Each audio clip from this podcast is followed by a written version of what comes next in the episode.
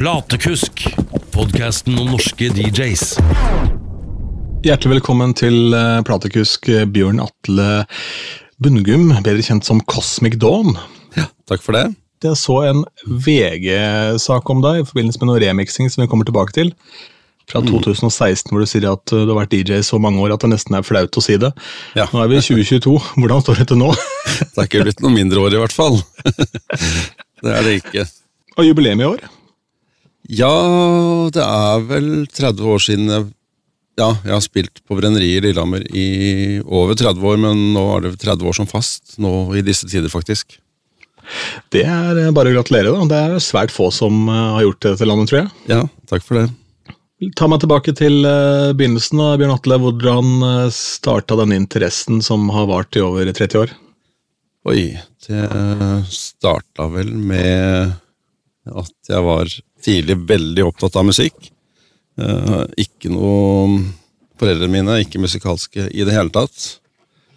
Eh, så det var vel på 70-tallet at jeg begynte å høre på musikk, og, og husker faren min kjøpte en kassettspiller med opptaksfunksjon og pauseknapp. og tok vel ikke så veldig lang tid før jeg begynte å redigere eh, mine egne låter sånn som jeg ville ha dem. Eh, så det Ja. Så det begynte vel allerede på slutten av 70-tallet. Begynnelsen av 80-tallet. Den der standardhistorien med at man eh, har i stykker eh, platespilleren til mor og far som går på beltet.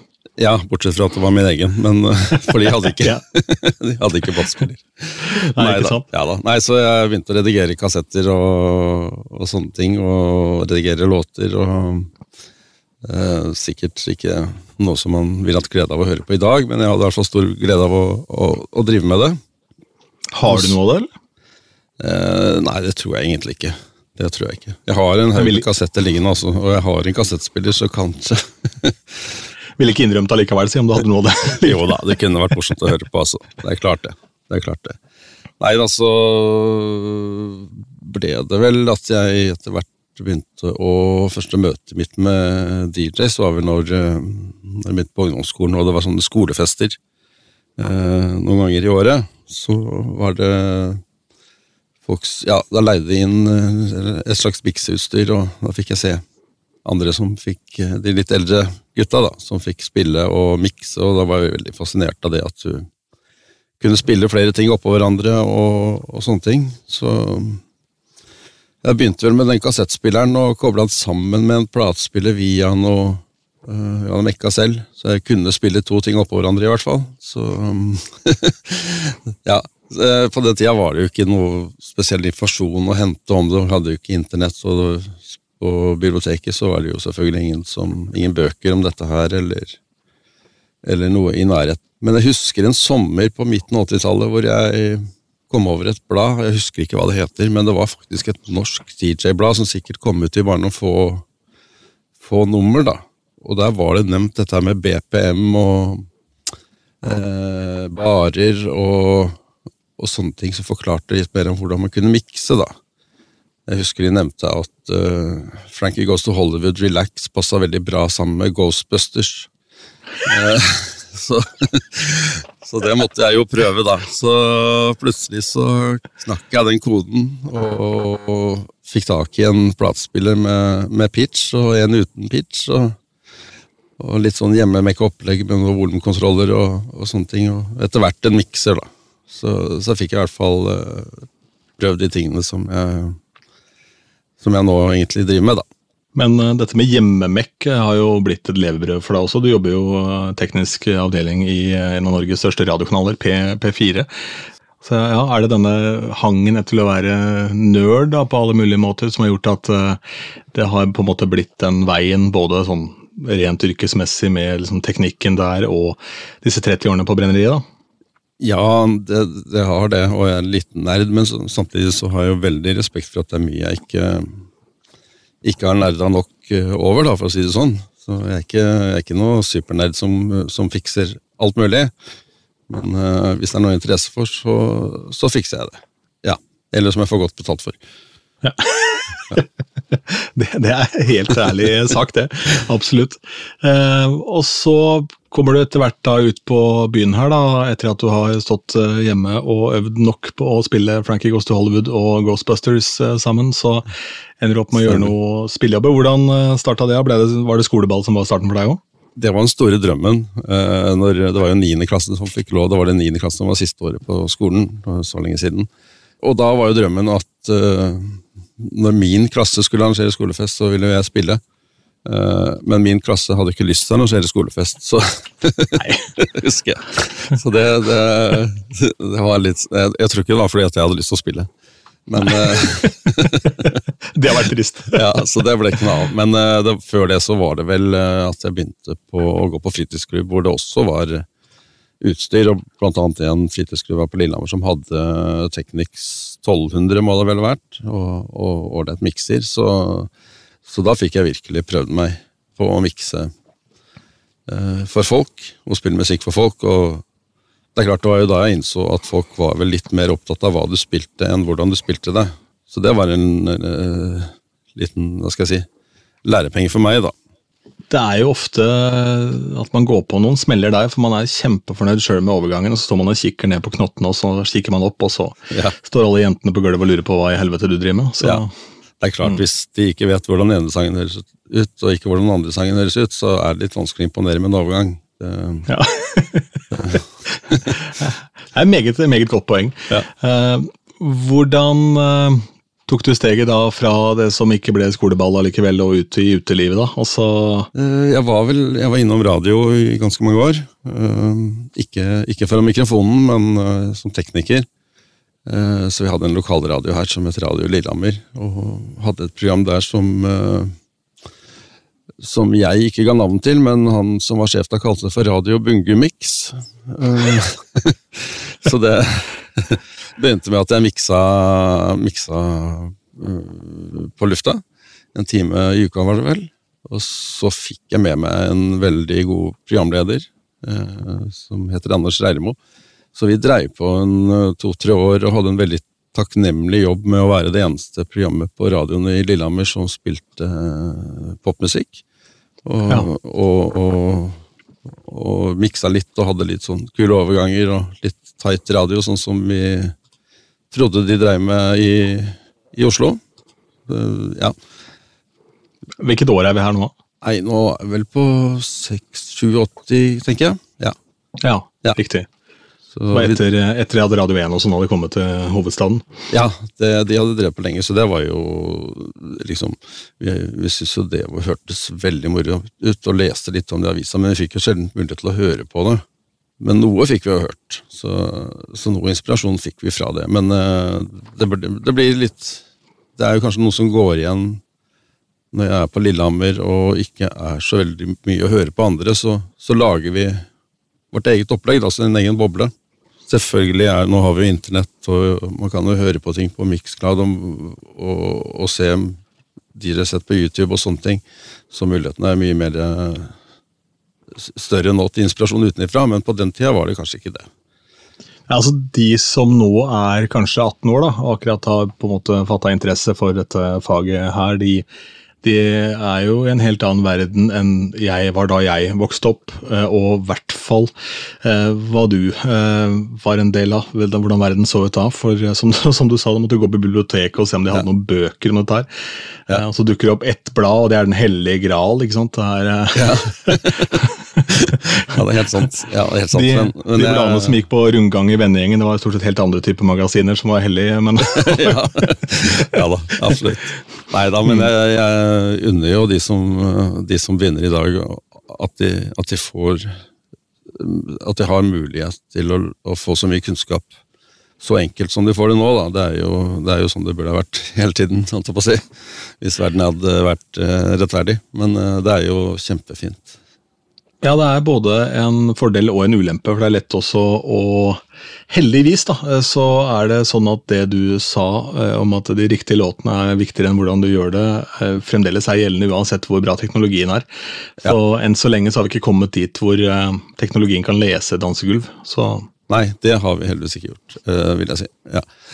Eh, nei, altså jeg drev, med radio i flere år og liksom, var litt unge og ambisiøse og, og litt frampå og breiale og ringte plateselskapene og spurte om vi kunne intervjue noen. og Da hadde jo sånne Når, når det kom artister, internasjonale artister til eh, hovedstaden, så gjorde de promo, og da var det om å gjøre å få noen radiointervjuer og sånne ting. Da, så det var vi litt frampå og fikk litt store navn som vi syntes det var store, i hvert fall med Roxette og Ja. Så det var litt sånn øh, Vi syntes det var veldig moro, da. Eh, og det som skjedde da, var at uh, ledelsen på brenneriet hadde jo hørt om det her. Det var jo litt snakk om det radioprogrammet.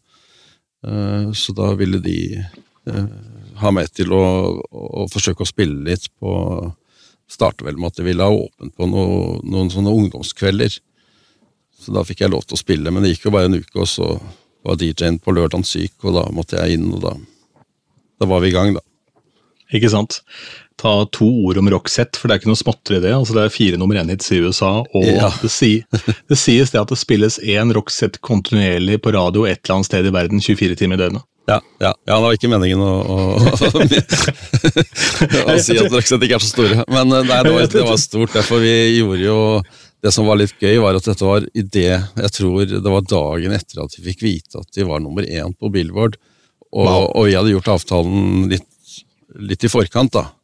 Eh, men jeg husker Per Gessle holdt, holdt avtalen og ringte oss, og det var jo, han var jo selvfølgelig i strålende humør. og og ble et veldig koselig, et fint intervju, da.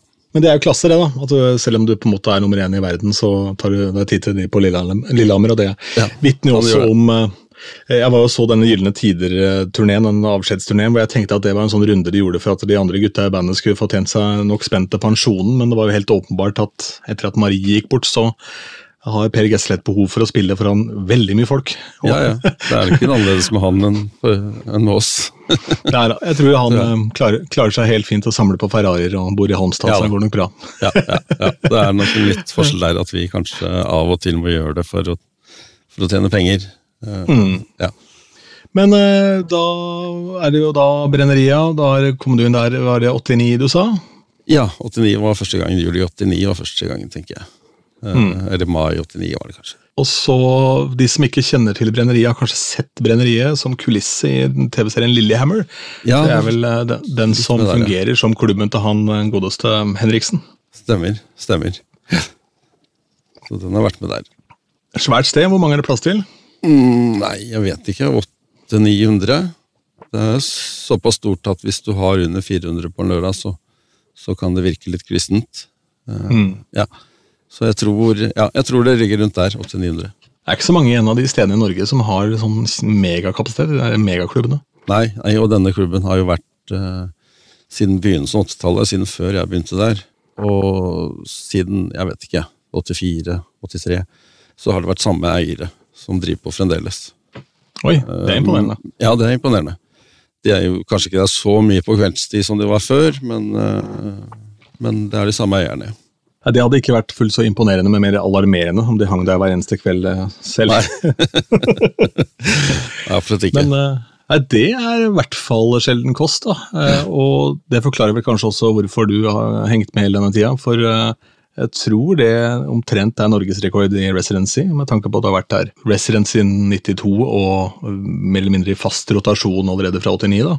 Nei da, det er ganske lenge. Det er pinlig lenge, som jeg sa til VG i 2016. Og det er ikke noe, det er ikke noe eh, bedre nå. Tilbake i 1989, da, hva var det som eh, ja, Var det Roxette som ble spilt, eller hva var det det gikk i da? Altså, det var jo allerede ganske kul klubbmusikk som var ute da. Var det det Ja. som ble spilt, eller var det en popbule, eller hva var brenneriet på den tida? Det var nok en liten skuffelse sånn sett, det, fordi at det da Jeg var jo veldig opptatt av Ja, da hadde vi hatt en del store house-låter allerede. Eh, både veldig kommersie og, og, og litt særre, som ja, Pump Up The Volume og Farley Jack Mr. Funk, og det var jo 89 så var det vel Second Summer Nei, jo, Second Summer of Love kaller de vel. Eh, Altså ikke hippietida, men eh, neste Ja. Ende. Eh, og det, Det var jo en sånn- del sånn kommersielle house-ting som var populært også. Det dundra jo inn på en måte den starten på den eurodance-bølgen som blei veldig cheesy. Ja, det kom etter hvert, ja, med, som jeg, jeg mener kanskje starta med Technotronic. Pump Up the, Ja. eh, the Volume. Nei, Pump Up the Jam, mener jeg. Ja, stemmer. Eh, som mange forveksler med Pump Up the Volume, som jo er noe helt annen eh, sak når det gjelder kredibilitet. Men eh, ja. Nei da. Og så var det acid eh, Det var acid eh, var på en måte et sånt eh, uttrykk som var veldig stort rundt 89, så det var mye kul housemusikk.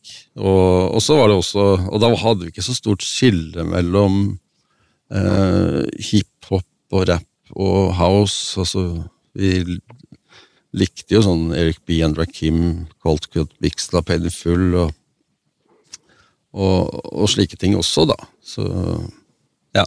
Eh, men det var, det var ikke så veldig mye av det man kunne spille ute på byen. Det ble, det ble mye allround-musikk med Billy Idol og Simple Minds og, og Arita Franklin med Think var liksom en sånn fast, fast greie. Weather Girls, It's Raining Men og, og, og alle disse her. Så det, det, det, var, en, det var en litt sånn hard landing. Eh, ja. Jo, men si samtidig så tenker jeg med en så stor klubb, da, det må jo være, eh, det må jo få en glede av, i hvert fall på den tida, å få et groove til å rocke når det er så mye folk det er snakk om. Ja, ja, ja, ja da. Det er klart at det, jeg syns jo det var veldig moro. Det var det. Og så, og da, spesielt da så hadde man alltid en sånn iver etter å dra det videre til noe som man selv syntes var veldig ålreit. Kunne være et mål hele kvelden å prøve å dra det videre. Uh, selv om det kanskje ikke er så lurt, men, uh, men, men det var noe der.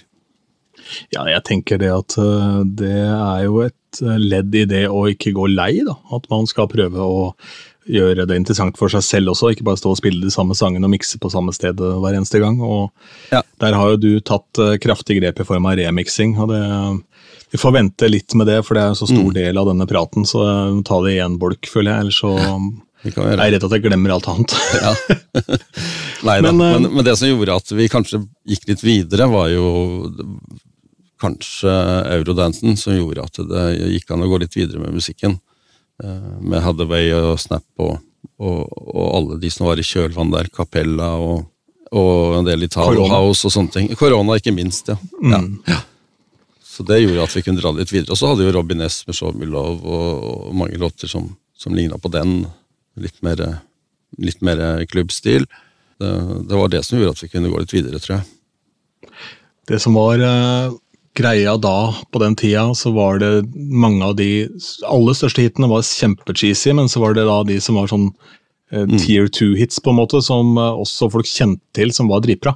Eh, så da var det mye lettere kanskje å gjøre et sett, ser jeg for meg, da, på en måte med en blanding av de gigastore hitene og ting du også syntes var litt kult og litt mer spennende. Ja, ja, ja. Nei, Platesamlingen vi består av veldig mange plater som ligner på en stor hit, eller som passer sammen med en stor hit fra samme tida.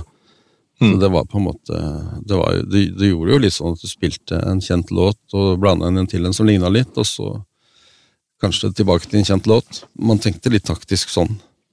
Men eh, da er vi Resident fra 92, ja, og så surrer det og går. eh, 90-tallet rusler av gårde, og så kommer jo da 99, 2000, 2001 med en sånn vanvittig R&B-bølge. Ja, stemmer. Hva- Hvordan eh, påvirket det brenneriet? Det ble en del R&B, må si det. Eh, Det har vært perioder hvor det har vært mye R&B, og det nærmest har vært det eneste som har vært gjeldende. Det var ikke så gøy å mikse det, eh, egentlig.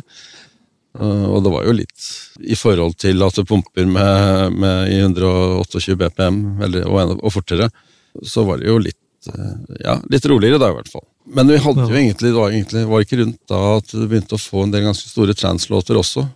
Så, Ja, det, var, det dabba vel av sånn 2002-2003, Ja. tenker jeg. Så liksom døde Ja. ting. Det det hadde en siste bølge med de der eh, eurotrans-greiene med Lasco og de greiene der, som kom vel helt sånn Stemmer. på 2001-2002 rundt der. ja, stemmer. ja. Um, Så, men det var jo, da var det jo to ytterpunkter da, med R&B og, og, og, og det er 140 pluss BPM. Ja, Som, ja. Du på, på, på, ene, siden så hadde du på en måte ja, R&B-bagen, og så hadde du det The Chanté med Kate Ryan, Ja, ja. 145 BPM på andre sida. ja, ja. Neida. Men så det, Mm. Her i mellomtida så begynner jo P4 opp også. Det sies jo at omsetninga på brenneriet økte ganske bra når P4 etablerte seg på Lillehammer. Ja, det kan godt hende. Nei, jeg, jeg, ja, det var Jo, det, da var ikke jeg P4, men jeg har jo hatt bekjente her hele tiden. Eh, så de var stadig å se på byen, ja, det kan man si. Mye salgsmøter og mange ja, kunder som skal behandles hyggelig. Ikke sant? det er jo Ja. det det handler om. Men eh, det bringer oss egentlig over til eh, noe, noe ved deg som er imponerende, er at du er avholdsmann, og du har stått i denne festen her i alle disse årene uten å drikke selv. og Det må jeg si at jeg syns er ganske er rett og slett imponerende. Ja, Nei, det er ikke- ikke noe Jeg tror ikke det ligger noen stor tanke bak det. Det er bare Alkohol har egentlig aldri vært noe for meg. Liker ikke smaken, syns det smaker vondt. Og jeg, jeg har jo prøvd, og liker ikke effekten heller, så Så det, er, det, det funker ikke for meg, og det tror jeg kanskje ikke er dumt. Hvis man skal være resident i 30 år, så blir det jo, blir det jo en del pils hvis man skal drikke for å jobbe. Som jo har vært standarden tidligere, da. Ja, det går med noen flytende brød, ja. Det er sant, det. Ja. Jeg har jo hørt en del podkaster fra han DJ AM, da, som vel har fått mye æren for sånn open format mixing, som er eh, ganske inn nå om dagen, hvor man blander veldig mye sjangere. Han uh, blei jo på et tidspunkt avholdsmann etter å vel ha overlevd en flysturt, eh, tror jeg. Ah, ja. Eh, Det er jo ikke så mange som opplever, at de krasjer med fly og overlever. Så da roa han ned litt, og så var det jo til slutt rusen som tok eh, livet av han. Men da eh, har hørt noen andre DJ snakke om da de spilte på hans klubb, så fikk de beskjed om at hva enn du gjør, så ikke rør alkohol, liksom. eh, Og spill disse sangene, for det var eh, en, en type gig da som skulle leveres der. Og så drakk de seg selvfølgelig dritings, da, de DJ-ene, og leverte ikke det de skulle. Og fikk en kjempesint telefon da midt på svarte natta fra, fra DJ AM da, som kjefta de huden full. og det Jeg teiper veldig mye av settene mine, da, og det er jo dager man spiller når man er edru, og så er det dager man spiller eh, da man ja, kanskje tar en øl for mye også, faktisk, hvis det er i et sånn spesielt godt lag. og Heldigvis er grunnstammen i det man holder på med såpass god, men det jeg har lagt merke til, er at ofte så glemmer man den største hiten. Man glemmer den noe ja. som er nummer én akkurat nå. Eh, men sånn mikseteknisk og sånn, så rusler det og går det stort sett, eh, med mindre du ja, får satt på spillerne baklengs eller noe sånt surr, da, men er, så sånn, Rent teknisk så sitter det på et eller annet vis med noen muskelbind og sånn, men eh, det er det at du, du planene dine blir grøtete, da, og det gir jo en mening. Ja, ja. Nei, nei, jeg, jeg, har ikke, jeg har ikke prøvd, men jeg, jeg kan ikke si at det vil være noen fordel for meg, i hvert fall. Men uh, for andre så Jeg unner andre det, hvis de trenger det. Ja, og så tenker jeg at vi skal begynne med det nå, det er for dumt. Ja, ja. Nei da, det er ikke noe Jeg har ikke lyst til å framstå som noe bedre enn andre på det området eller andre. Men, men for meg så passer det i hvert fall bra, da. Så, så jeg er veldig opptatt av at folk skal få gjøre det de vil. Sånn generelt her i livet. Men nå har vi jo etablert deg da som en litt sånn beskjeden, stille nerd som er veldig opptatt av eh, tekniske ting, og at det skal eh, sitte. Det passer jo litt dårlig inn i den DJ-verden som etter hvert har dukka opp, hvor DJ-en er de nye rockestjernene. Står med henda i været og lager sånn airhearts og Ja. sushi når overgangen går og sånn. Ja. Nei da, jeg har jo sett en del videoer. eh, Og, og har vel også opplevd noen som, som, som ikke, ikke gjør noe særlig på scenen. Da. Men nei, men det altså funker det, så funker det. Jeg, jeg hadde ikke følt meg så veldig bra med meg selv hvis jeg hadde stått på scenen og faka det. Og jeg er ikke så veldig glad i å stå med hendene i været heller, så, så Ja. Men, eh, men altså, om folk er fornøyd, så, så, så er jo det bra. Ja, nei, altså det, De byr jo veldig mye på seg selv. Det, ikke sant? det er Sånn, brøling ja. på mikrofonen Ja, ja, og henda i været og hyping hele tiden. og sånn. Er det på en måte det man er vant til å se? Uh, Ja, da, ja i, ikke sant? Ja. kontra før, da DJ-en egentlig var gjemt borti et hjørne, så var det en mørk boks hvor det stod og spilte musikk, mens nå er jo DJ-en up front og senter ofte veldig og det er jo tilfellet for meg òg. at Jeg starta jo med at man, Brenneriet hadde jo en sånn DJ-bu, hvor uh, nærmest ingen kunne se meg, i hvert fall ikke noen på dansegulvet. Eh, mens jeg så dem eh, via, faktisk via et kamera. Oi, Eh, så det var jo Men for noen år siden, i forbindelse med at vi bygga litt om, så havna jeg på en scene, og det syns jeg har vært helt greit. Fremdeles vil ikke ha lys veldig sterkt på meg, sånn at At det ble hovedfokus. Men jeg står på en scene nå, og det er egentlig helt greit. Men jeg er nok ikke så veldig overstadig med henne jeg er verre, nei. Så det er en, det er en kontrast. Men mm. får det jo til å funke, da. Så, og ser vel ganske konsentrert ut. Kanskje noen av og til kan si at jeg syns det er spesielt hyggelig. Kan hende. Men eh, ja. Nei, da er jeg ikke den som gjør så mye ut av meg sånn sett, nei. Og det kunne sikkert vært lurt å gjøre det, men, eh, men, eh, men det ligger liksom ikke i min natur å, å, gjøre det. Nei, det er en imponerende øvelse da, å klare å på en måte eie rommet, selv om man da er i gåsetegn i utakt da, med både persepsjonen deres av en DJ og aldersgruppe og hele den pakka der. ikke sant? Ja, ja, ja. ja jo, det er sant. Det. det er sant. Mm. Men jeg er jo kanskje en av de få DJ-ene som ikke har brukt mikrofonen noensinne. Aldri? Aldri. Jøss. Yes. Ja. ja. så, så hvis brannalarmen går, så er ikke det din jobb? Nei, nei, nei jeg kan hjelpe til med å få folk ut, altså. Men eh, nei, da får det komme en dørvakt og, å prate. Jeg, jeg, har ikke gjort det. Jeg har ikke opplevd, jo, jeg har opplevd brannalarm, da. Falsk brannalarm, selvfølgelig. Men uh, jeg bruker ikke mikrofon i det hele tatt. Jeg, har det ikke, jeg tror ikke jeg har det tilgjengelig engang. Det var jo en sånn periode hvor man overhodet ikke skulle bruke det.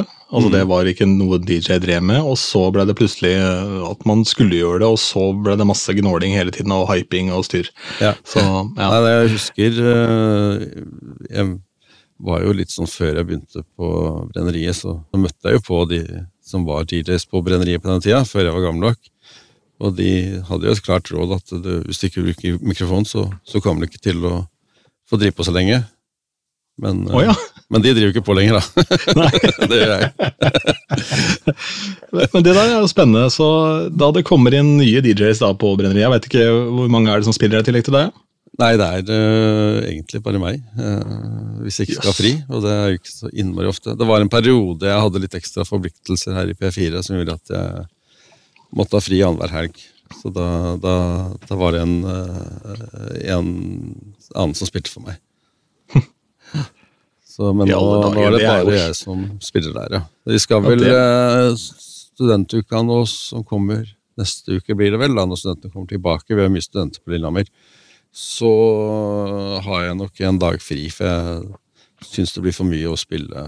Spesielt for gjestene så blir det for mye om jeg skal spille alle dagene, føler jeg. Så da blir det litt godt. Kommer det inn noen andre.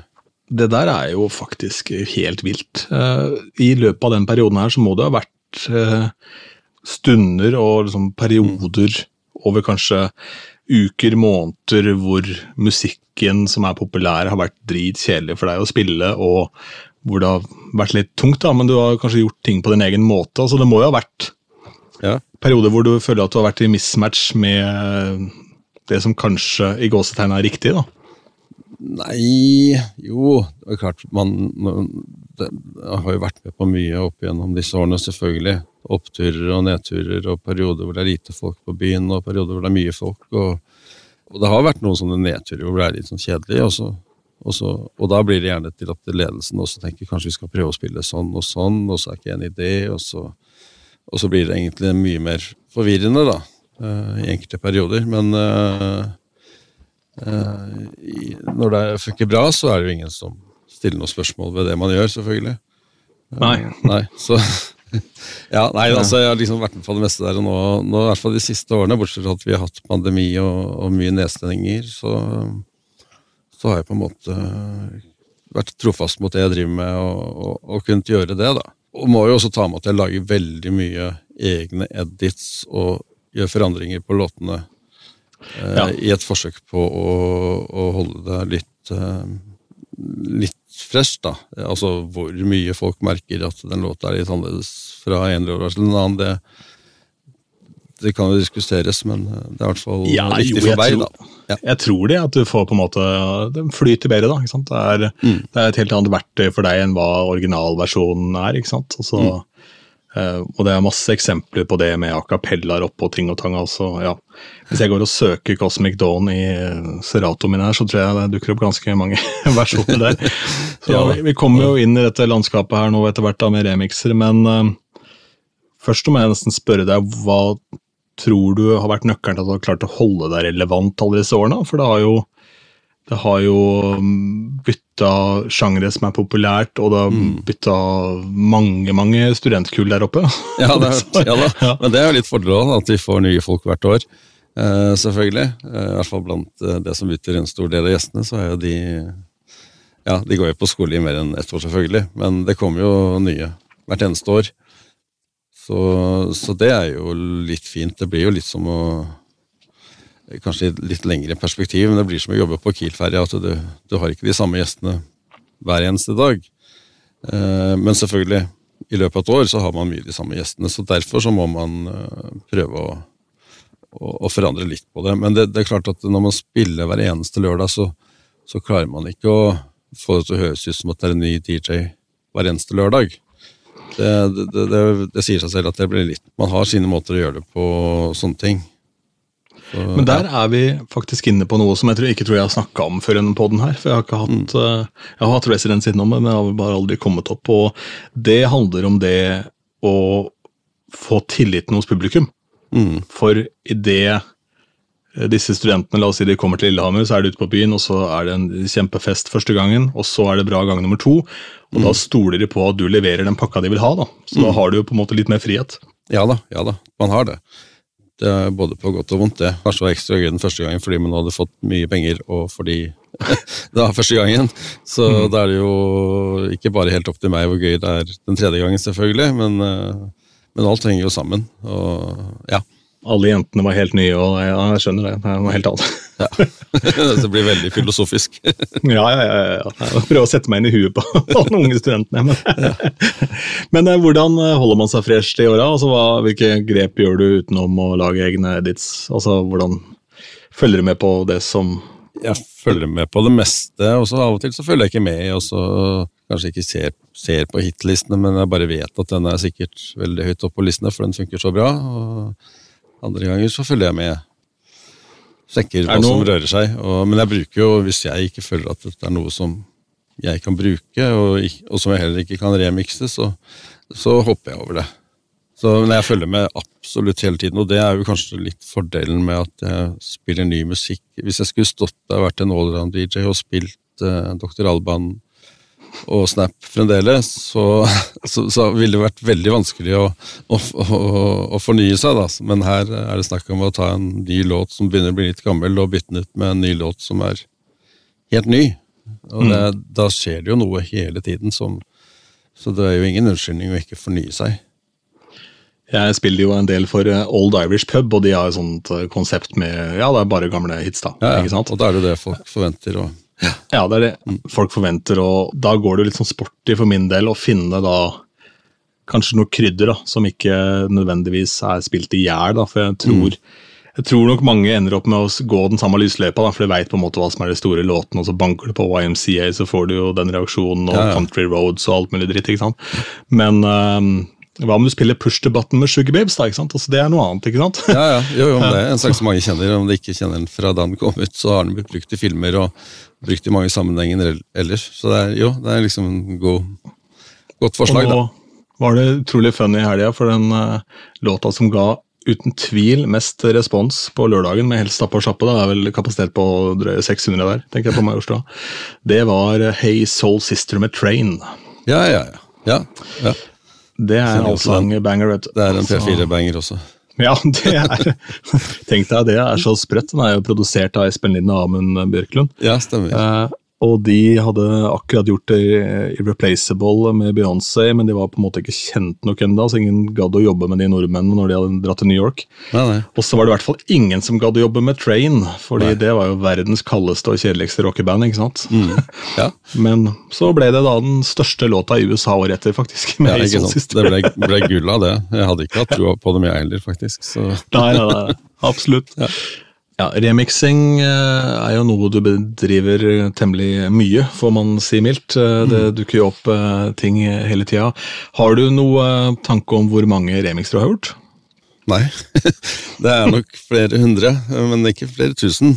Hvis du ikke, hvis man ser bort fra edits, da, som jo er flere tusen, og, og matchups og sånt, så ja. Det er en del, en del hundre. Uh, Det har- vi kan jo prate litt om hvordan jeg begynte med det, hvis du Ja, jeg tenkte Ja. det at du skulle ta det tilbake helt sånn hvordan starten der eh, var. For eh, det er nok ganske mange DJ-er som spiller mange mange, mange år før man tenker at kanskje jeg skulle flytte av det refrenget der første låta, kanskje du skulle hatt noe mer kick under her, eh, osv. Hvordan, eh, hvordan kom på en måte den ideen? Ja, nei, det er jo noe siden 70-tallet, da. Men ja, jeg kommer jo absolutt ikke fra noe dårlig hjem. Men noe musikkinstrument det var det aldri aktuelt at jeg skulle få. Så det var jo kanskje det som gjorde at jeg måtte begynne kreativiteten på andre måter. Det med å drive med å redigere musikk på kassettspilleren som en start, da. Og det det har blitt til nå, som er å lage remixer. Så, og, men det er klart at når når jeg begynte å spille, så var det jo Skulle du spille noe du hadde laget selv, da, så måtte du nesten få pressa det på vinyl, og det var jo litt, litt uh, uaktuelt. Uh, på radio så gikk det greit, for da kunne du jo drive med spolebånd og, og, og gjøre som du ville. Og, men for å mikse en, lage en edit og mikse, så var ikke det så ute på byen, så var ikke det så veldig, veldig aktuelt. Så for meg så var det jo stort når uh, CD-brennerne kom, og du kunne brenne dine egne ting på CD. Eh, egentlig da det begynte for alvor med å lage egne versjoner av låter, da. Kassetter ble liksom aldri noe stort innen DJ-ing. Nei, det var liksom litt for Det mangla litt trøkken i lyden, og det ble gjerne dårligere jo flere generasjoner det var igjennom, og sånne ting, og det kunne jo heller ikke uh, Ja, det fantes vel noen kassettspillere med pitch, men det var jo ikke noe verktøy det kunne brukes som DJ, som jeg syntes var noe ålreit, i hvert fall. Mm. Så ja, så det, det var nok først med CD-en at dette med egne versjoner begynte å bli noe for meg, eh, når jeg spilte som DJ, da. Ja, og Jobber du da i Ableton-type, eller altså i Logic, eller hva? Eh, Jeg kan jobbe i mye. Jeg har både Ableton og Logic, og bruker også en del eh, både på Mac og på PC.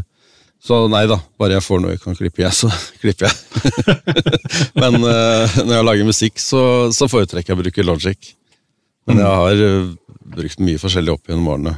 Blant annet uh, det som heter Acid, var vel noe av det første jeg begynte med når jeg begynte å, å lage remixer, som var mer å bare, enn å bare flytte på partier og sånne ting. da. Fruity Loops. Fruity Loops har jeg vært innom. Ja da.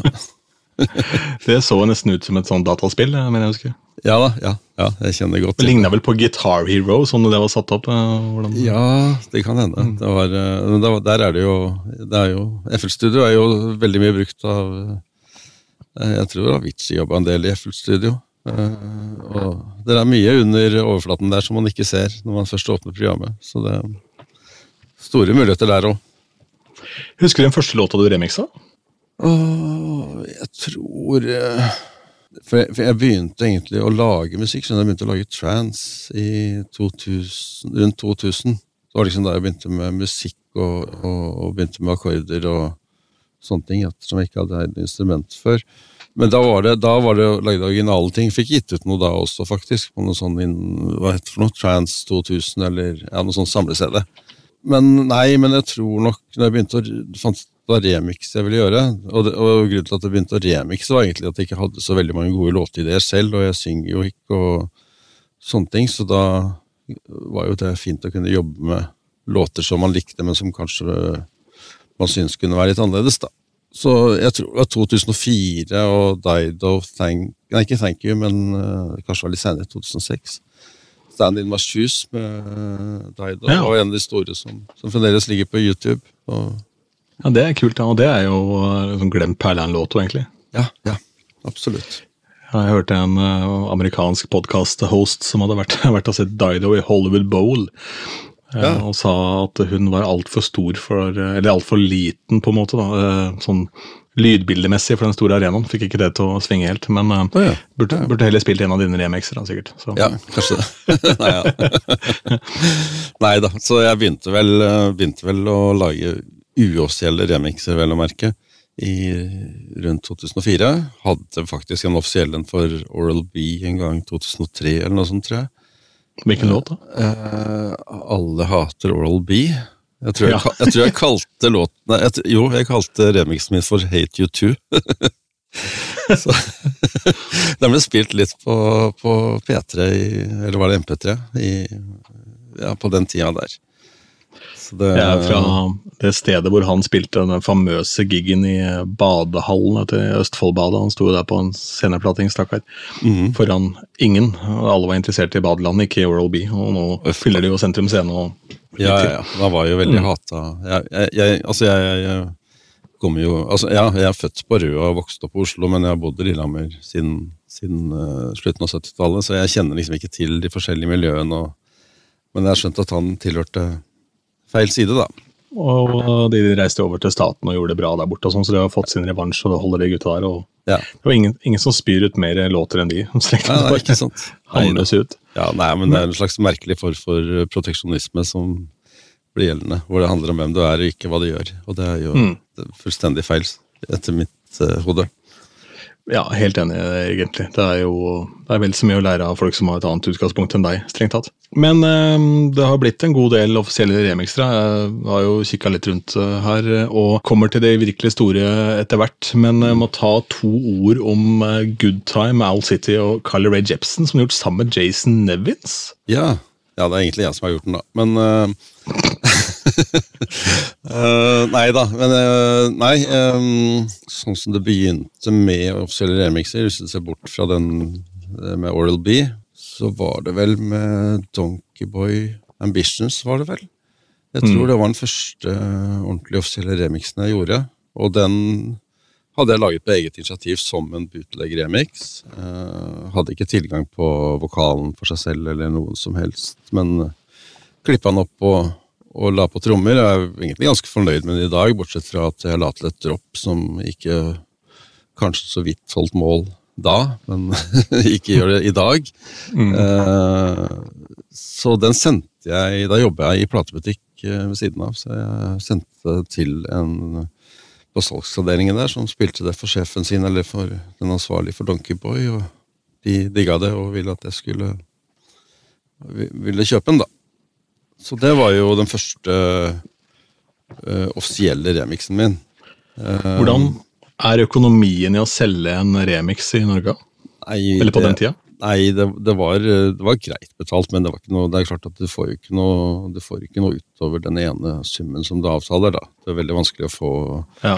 Eh, noen royalties og rettigheter som fortsetter å komme, selv om det blir spilt mye. Og det tror jeg nok gjelder mange andre i andre land også, hvis du ikke er av de store, så, så mm. er det et engangsbeløp. Så de pengene er selvfølgelig brukt for lenge siden.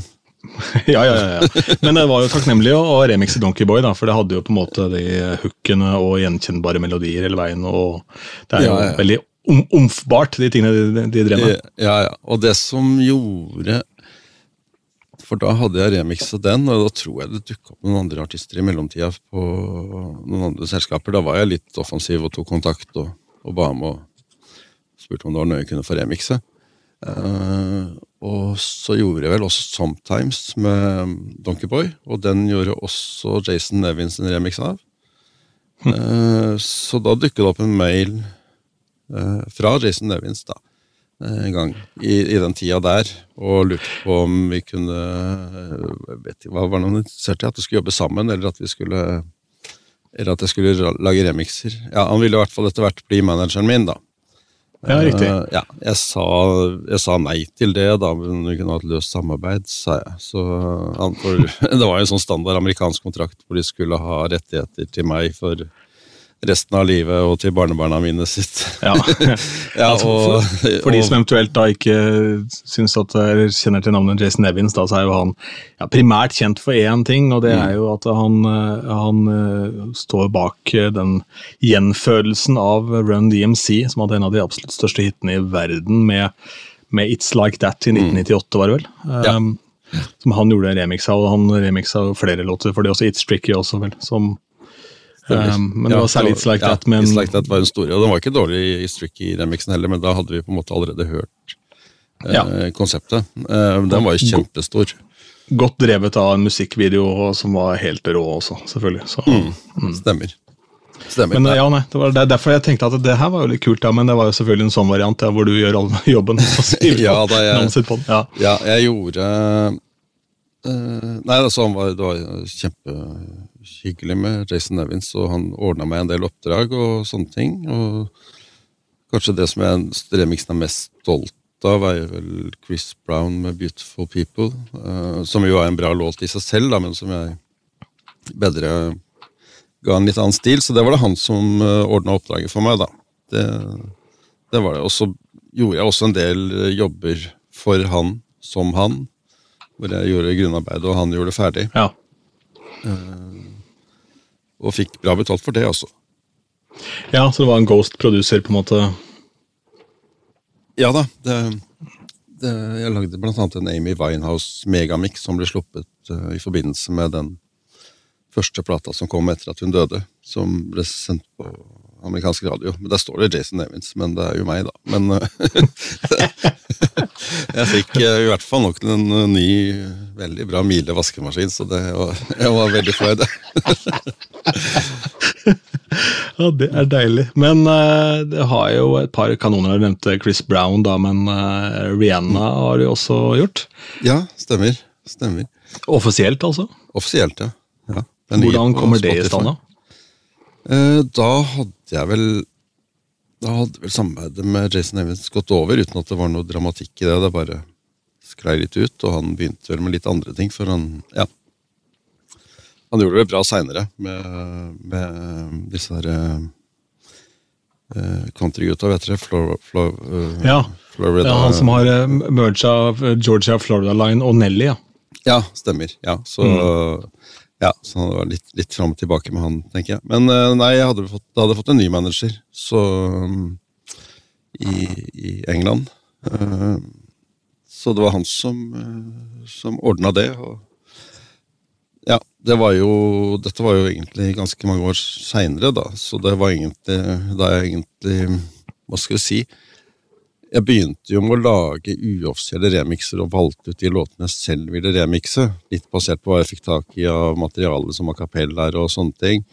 Og, og fikk det til å funke og var liksom koste meg med å lage remixer. da. Eh, men når det begynte å bli offisielle oppdrag, så ble det litt eh, Begynte egentlig å kjenne på at jeg ikke syntes det var så, så moro lenger. Mm. Får ikke velge låtene, selvfølgelig. Og skulle gjerne vært ferdig i går.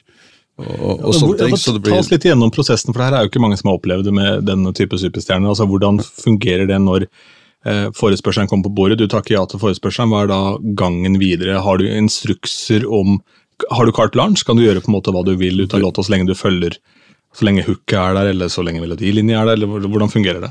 Eh, veldig varierende. Unnskyld meg. Eh, jeg kan egentlig ikke si så mye om hvordan det er for andre, for det vet jeg ikke. Men, men det har vært veldig varierende noen ganger. Så det har vært veldig mye remixer som er på spekulasjon. Som vil si at du at de ber deg om å lage en remix, og så gjør du det, og så hører de på den, og så kan du si at nei, denne vil vi ikke ha, eller denne vil vi ha, og så betaler de hvis de vil ha den. Eh, Ja. så, det er egentlig en ganske dårlig deal, da, og kanskje mye av grunnen til at jeg at jeg syns det ble litt slitsomt å levere i går og samtidig ikke få betalt. Ehm, og samtidig som det ble liksom denne At man koste seg med å lage en remix. eh, ble litt borte. Men andre ting, så Selena Gomez, der var det 'vi skal ha remix av deg', og, og da kunne jeg gjøre hva jeg ville, og så gjorde jeg hva jeg ville, og så ville jeg noen forandringer som var helt greie, og så Ja, så var det grei skuring, egentlig. Så det er egentlig veldig forskjellig. Eh, noen ganger ønsker man jo at folk skal si at ja, men kanskje du kan gjøre sånn, og andre ganger så syns man at folk er irriterende når de sier at jeg vil ha det sånn. Eh, Ja. Så det er to sider av samme sak, det. Men eh, da er det jo noen kameler i ørkenen i ny og ne, som den Chris Brown-låta, som på en måte da var mer oppi din allé, da. Ja, ja, det var liksom en sånn hvor, hvor alt klaffa. Og det er jo det som ofte blir best når du setter deg ned og, og, og bare gjør det som du føler på instinktivt, og så klaffer det.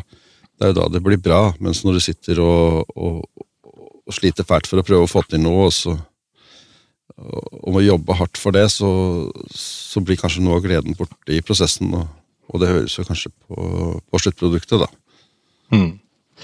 Jeg hørte en historie om uh, DJ Mike D, heter han, som hadde remixet uh, Gautier og Kimbra, 'Somebody That I Used To Know', eh, på forespørsel fra plateskapet, som var Universal eller hva enn det var. Og så Grunnen til at de spurte etter remixen, var at det var en så rar låt. Den låt ikke som noe annet. så De ville på en måte ha en med litt mer omf i. Eh, og den ble plukka opp av all amerikansk radio, ble snurra overalt. ikke sant? Så det var jo den versjonen som ble spilt. Mm. Og så hata Gautien sjøl. Ja. Eh, så han fikk aldri betalt, og Gautie ble fly forbanna fordi det var han Mike D som avslørte da at han hadde sampla et eller annet inn eller opp, Ja. opprinnelig. da. Ja. Så det endte jo da opp med at eh, det som var en middag, ble plutselig bare med telefonmøte Ja. for å klarere sampler. Ja, De hadde plutselig en superhit på gang. ja, men denne originalen er jo full av samples. Det er jo, alt er jo lånt der omtrent. Så det, selv om det Ikke ikke høres sånn ut. Så det, ja. Nei, ja, Ja. men det er liksom, det, dette remix-markedet har jo Du kan si når Jason Nevin starta, så fikk han jo nok penger til å Og mange andre, sånn Arma Van Helden og, og mange av de legendariske fikk jo nok penger til å kjøpe seg en bil, altså en god bil, for en remix. Og, og kanskje en eh, en luksusbil, holdt jeg på å si, eller ja, en sportsbil. Eh, men der har det nok gått litt over, eh, akkurat den perioden der, da. Og det har Men nå er vi vel kanskje ikke lenger på vaskemaskin, eller nå er det mer vannkoker nå, kanskje? Ja, nei, nå Jeg har ikke tatt på meg noe oppdrag på, på, på mange, mange år. Og når jeg gjør noe nå, så gjør jeg det fordi jeg har lyst til det, og fordi jeg har bruk for det selv, og så hender det at jeg deler det med andre i tillegg. Hvor mange Altså, hvordan er eh, prosentsatsen i forhold til de låtene som du remixer fordi de er store hits og du trenger de på brenneriet, men i en annen innpakning, og de låtene du velger å remikse fordi du syns låta er dritkul? Uh, nei, nå, nå blir det nok mer sånn praktisk at jeg har bruk for det, og så gjør jeg det. Uh, så det er veldig lite låter som jeg remixer fordi Fordi at jeg Ja, det, det blir litt sånn vanskelig. Det, sånn er det når man er DJ. Og, altså, man prøver jo å ha en musikksmak oppi det i tillegg, men så er det litt vanskelig å skille mellom hva som er eh, det man liker selv, og det som funker, og ja. eh, sånne ting. Så nei da, jeg tenker ikke så mye på det. Jeg, jeg, det blir mer sånn praktisk. Har jeg bruk for det, så, så lager jeg det. Hvor uh, har du snappa opp all den kunnskapen? Er alt på en måte selvlært underveis med altså, EQ-ing og sidechaining og gud veit hva som ikke hører med for å lage en god, god låt? da? Ja, i utgangspunktet så er jeg jo selvlært. øh, Men selvfølgelig, jeg har jo lest mye øh, magasiner og, og etter hvert på, på nettet og sånne ting, så jeg tilegner meg jo kunnskap og triks og sånn hele tiden. Det gjør jeg. Men jeg har ikke gått på noe skole eller noe sånt for å ha hatt noen mentor på det området. Og noen ganger skulle man ønske at man var mer enn én, da, for å få litt input. Kan alltid sende det til en kompis eller en kollega og spørre hva syns du om dette, men, men det er veldig fort gjort at du får det svaret du vil ha. Så, eh, så Trenger han, Ja, trenger han kompisen trenger som ikke er sånn yes man, ja. Mm. ja, trenger, ja, men som allikevel uh, har feiling. Ja.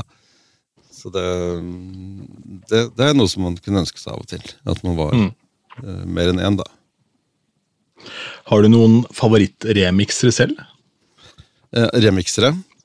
Ja, altså sånn, ja. Eller, Nei, det, det, det går veldig det var, En stund var det Todd Terry som var en store, og eh, Men det var jo selvfølgelig Han fikk jo en stor breakthrough-remix med 'Missing' med 'Everything But A Girl', hvor det var hans versjon som ble kjent. Og Jason Nevins var jo eh, gjorde jo det samme med Randy MC. Eh, men akkurat nå så er jeg liksom imponert av type eh, James Hype, syns jeg jo selvfølgelig har utrolig mye fett. mm.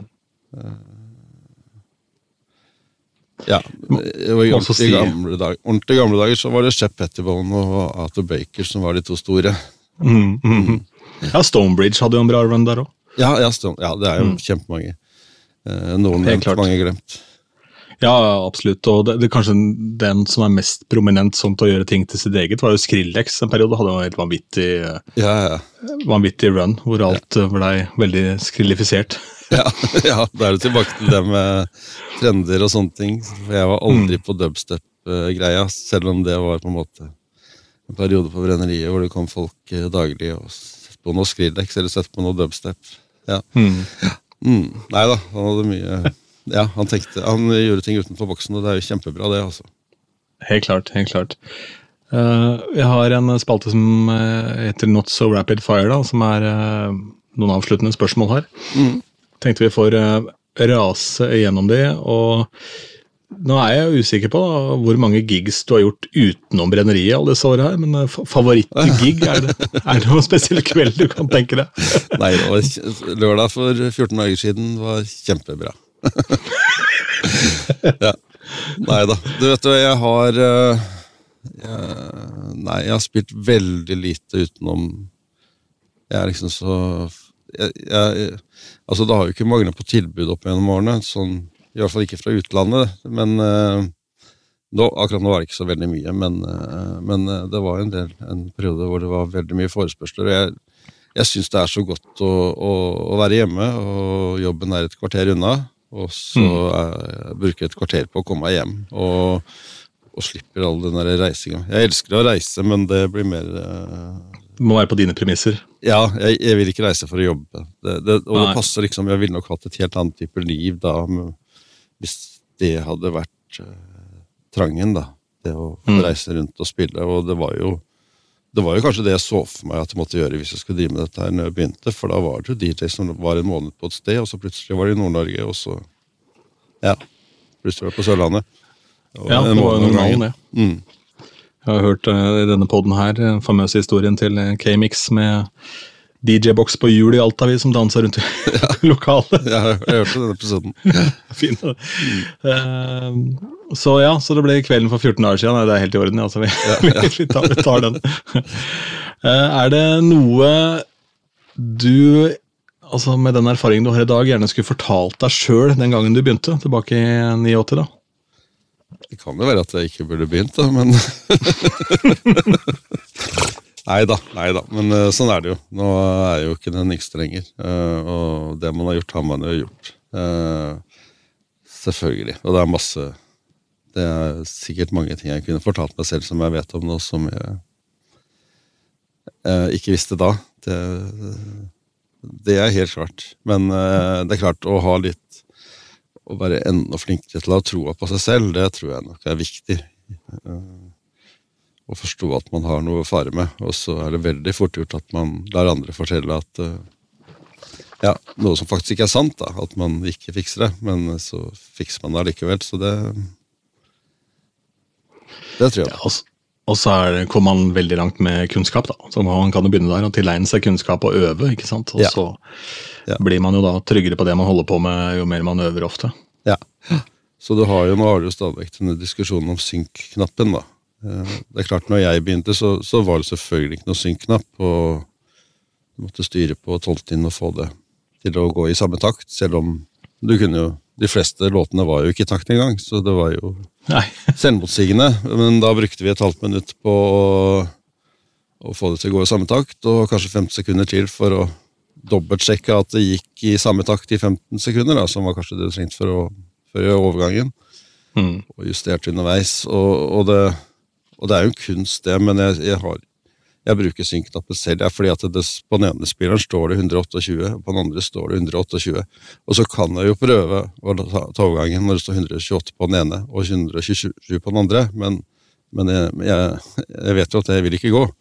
Eh, så så altså, jeg, jeg kan justere pitchen manuelt til det står 128, eller jeg kan late som jeg ikke ser det, og så kan jeg kjøre på 127,98, men hvorfor ikke gjøre det riktig når man kan gjøre det riktig?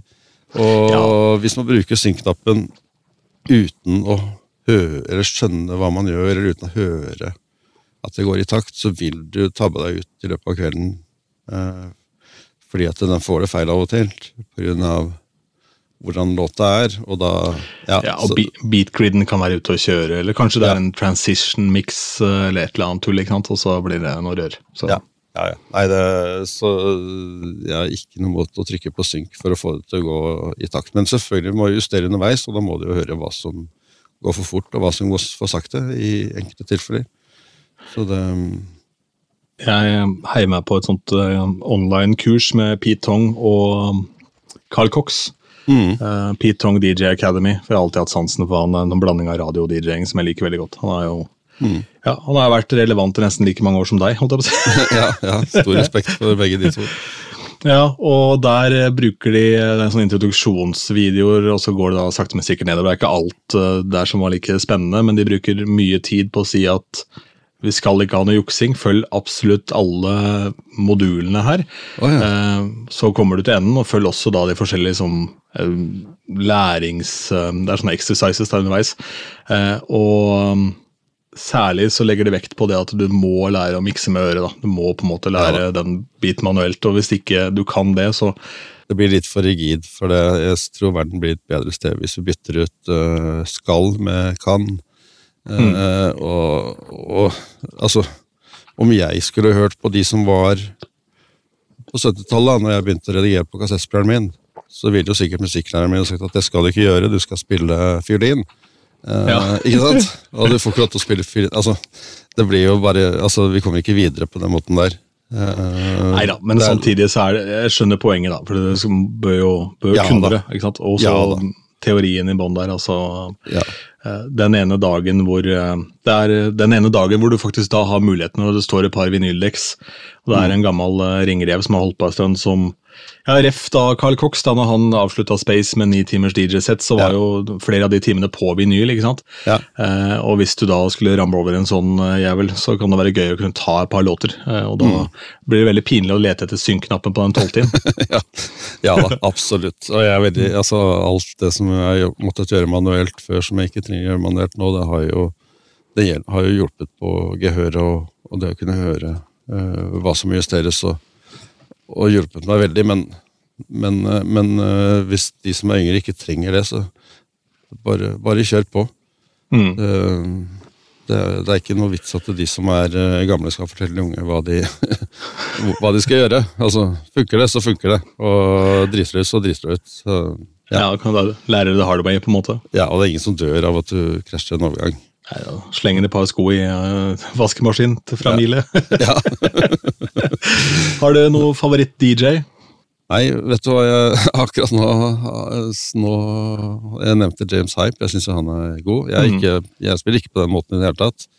Uh, skulle kanskje ønske at jeg var litt mer uh, på den uh, Litt mer Han kutter mye og, og gjør mye som jeg ikke gjør, da, mens jeg er mer sånn eh, flytende overganger og, og sånne ting. Eh, men jeg syns han er veldig god. Og så så jeg nå nylig har jeg sett på en eh, Han er vel fra Romania, egentlig. En girl Jason, som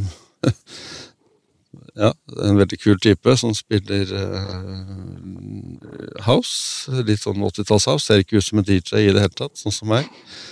Men, veldig kul, så jeg skulle ønske jeg var like kult som han. så Gerd Jason, ja. Mm. Ja. Hvis det er riktig uttalt. Ja, Du får sende meg en link til han som får lagt den under i beskrivelsen her. Mm, han har spilt på hva heter det, Boiler eh, Room, er det ikke det? Ja, jo, stemmer det. Ja. Det er, eh, det er ganske fete gigs. Ja, Eller så Røyksopp er jeg stor fan av.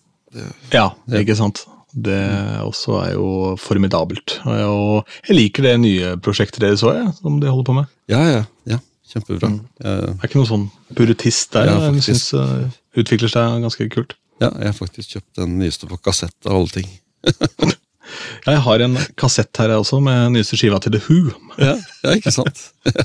jeg så ikke, jeg kommer ikke til å åpne, jeg tror ikke det, det er sikkert grei lyd, men det er, bare, det er gøy å ha. Men apropos kassetter og ting som er gammelt, har du um, tenkt noe på det øyeblikket på en måte hvor du innser at eh, fader, nå har toget gått her? Ja da, ja da. Det har jeg sett mange ganger. Eh, nå har jo jeg alltid, bortsett fra helt i begynnelsen, alltid hatt en dagjobb. Og på starten da jeg begynte å spille, så, så, så kjente jeg litt på det at jeg Da var det gjerne sånn at jeg ble til klubben stengte, og så øvde jeg etterpå. Og så var jeg hjemme i åttetida om morgenen og sov til klokka fem, og det var litt problematisk når eh, på den tida stengte jo dagligvarebutikker eksempel i, i femtida, da. så det ble liksom Jeg skjønte at eh, dette her Sånn kan vi ikke gjøre det. Det, det går ikke. Kona kom hjem fra jobb, og jeg hadde akkurat våkna, liksom. Ja. ikke noe middag, ikke noe, ikke noe, ikke noe mat. Uh, nei, så jeg kjente, har nok kjent på det litt under pandemien, for uh, da var det jo noen lørdager hvor jeg hadde fri, da. Og det, og det har jeg på en måte aldri opplevd før. og det, det var jo litt ålreit, men jeg tror jeg ville savna spillinga så mye at det Jeg er ikke klar for å slutte riktig ennå, altså. det er jeg ikke. Men mm. det er klart, jeg kjenner jo på at hvis du skal spille på lørdag, så begynner du å tenke på det på fredag. Og jeg sitter i hvert fall mye på lørdagen og forbereder meg kanskje hele dagen og lager edits og hører på ny musikk og, og, og tenker litt igjennom jeg, tenker, jeg, pleier aldri, jeg planlegger aldri settene mine fra start til slutt, men jeg tenker litt på hvilke låter jeg vil spille. Så- ja, så da går jo lørdagen, og så blir det litt sent på kvelden før man får lagt seg, kanskje i firetida. Og da går jo litt av søndagen også, så jeg kjenner jo litt på det at det hadde vært godt å bare sjekke ut klokka fire på fredag og sjekke inn igjen klokka åtte. Det hadde nok vært litt deilig av og til. Men jeg er ikke der ennå. Nei, nei, nei, absolutt ikke. Det er bare å kjempe på. Hva gjør du når eh, ikke du DJ-er? Altså, hva er det du liker eh, å drive med når ikke du står og spiller plater? Uh, ja, det driver med mye. Det er jo jobben på IP4 da, som kanskje nå på mange måter er den aller viktigste for meg. Eh, nei, jeg driver en del med smarthus. eh, ikke noe spesiell nerv på det, men driver og prøver å, å, å ha litt smarte ting hjemme og, og bygge ut det. Eh, veldig glad i å lage ekte napolitansk pizza. Litt godt og ja. gjensidig interessert i det, med egen pizzaovn og, og hele pakka.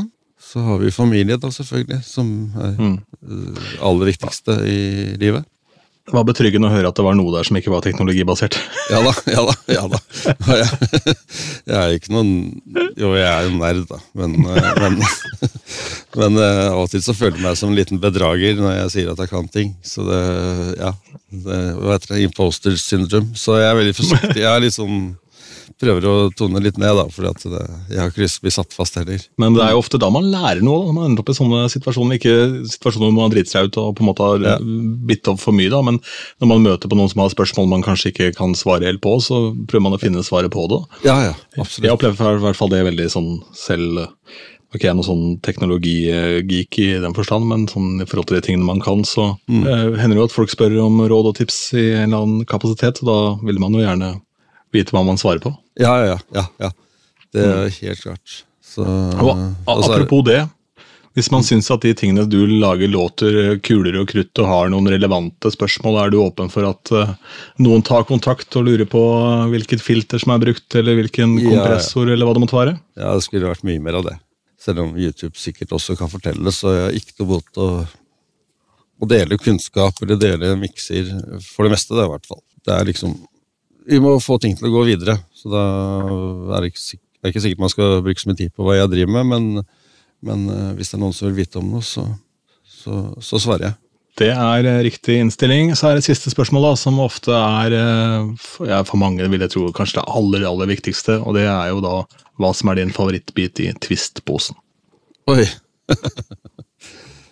Nei, det var lakris, tror jeg. Men den eh, har forandra seg til en helt annen konsistens, og den er absolutt den er minst favoritt. Men vi Ja, hadde faktisk Innpakninga, ja, tror jeg.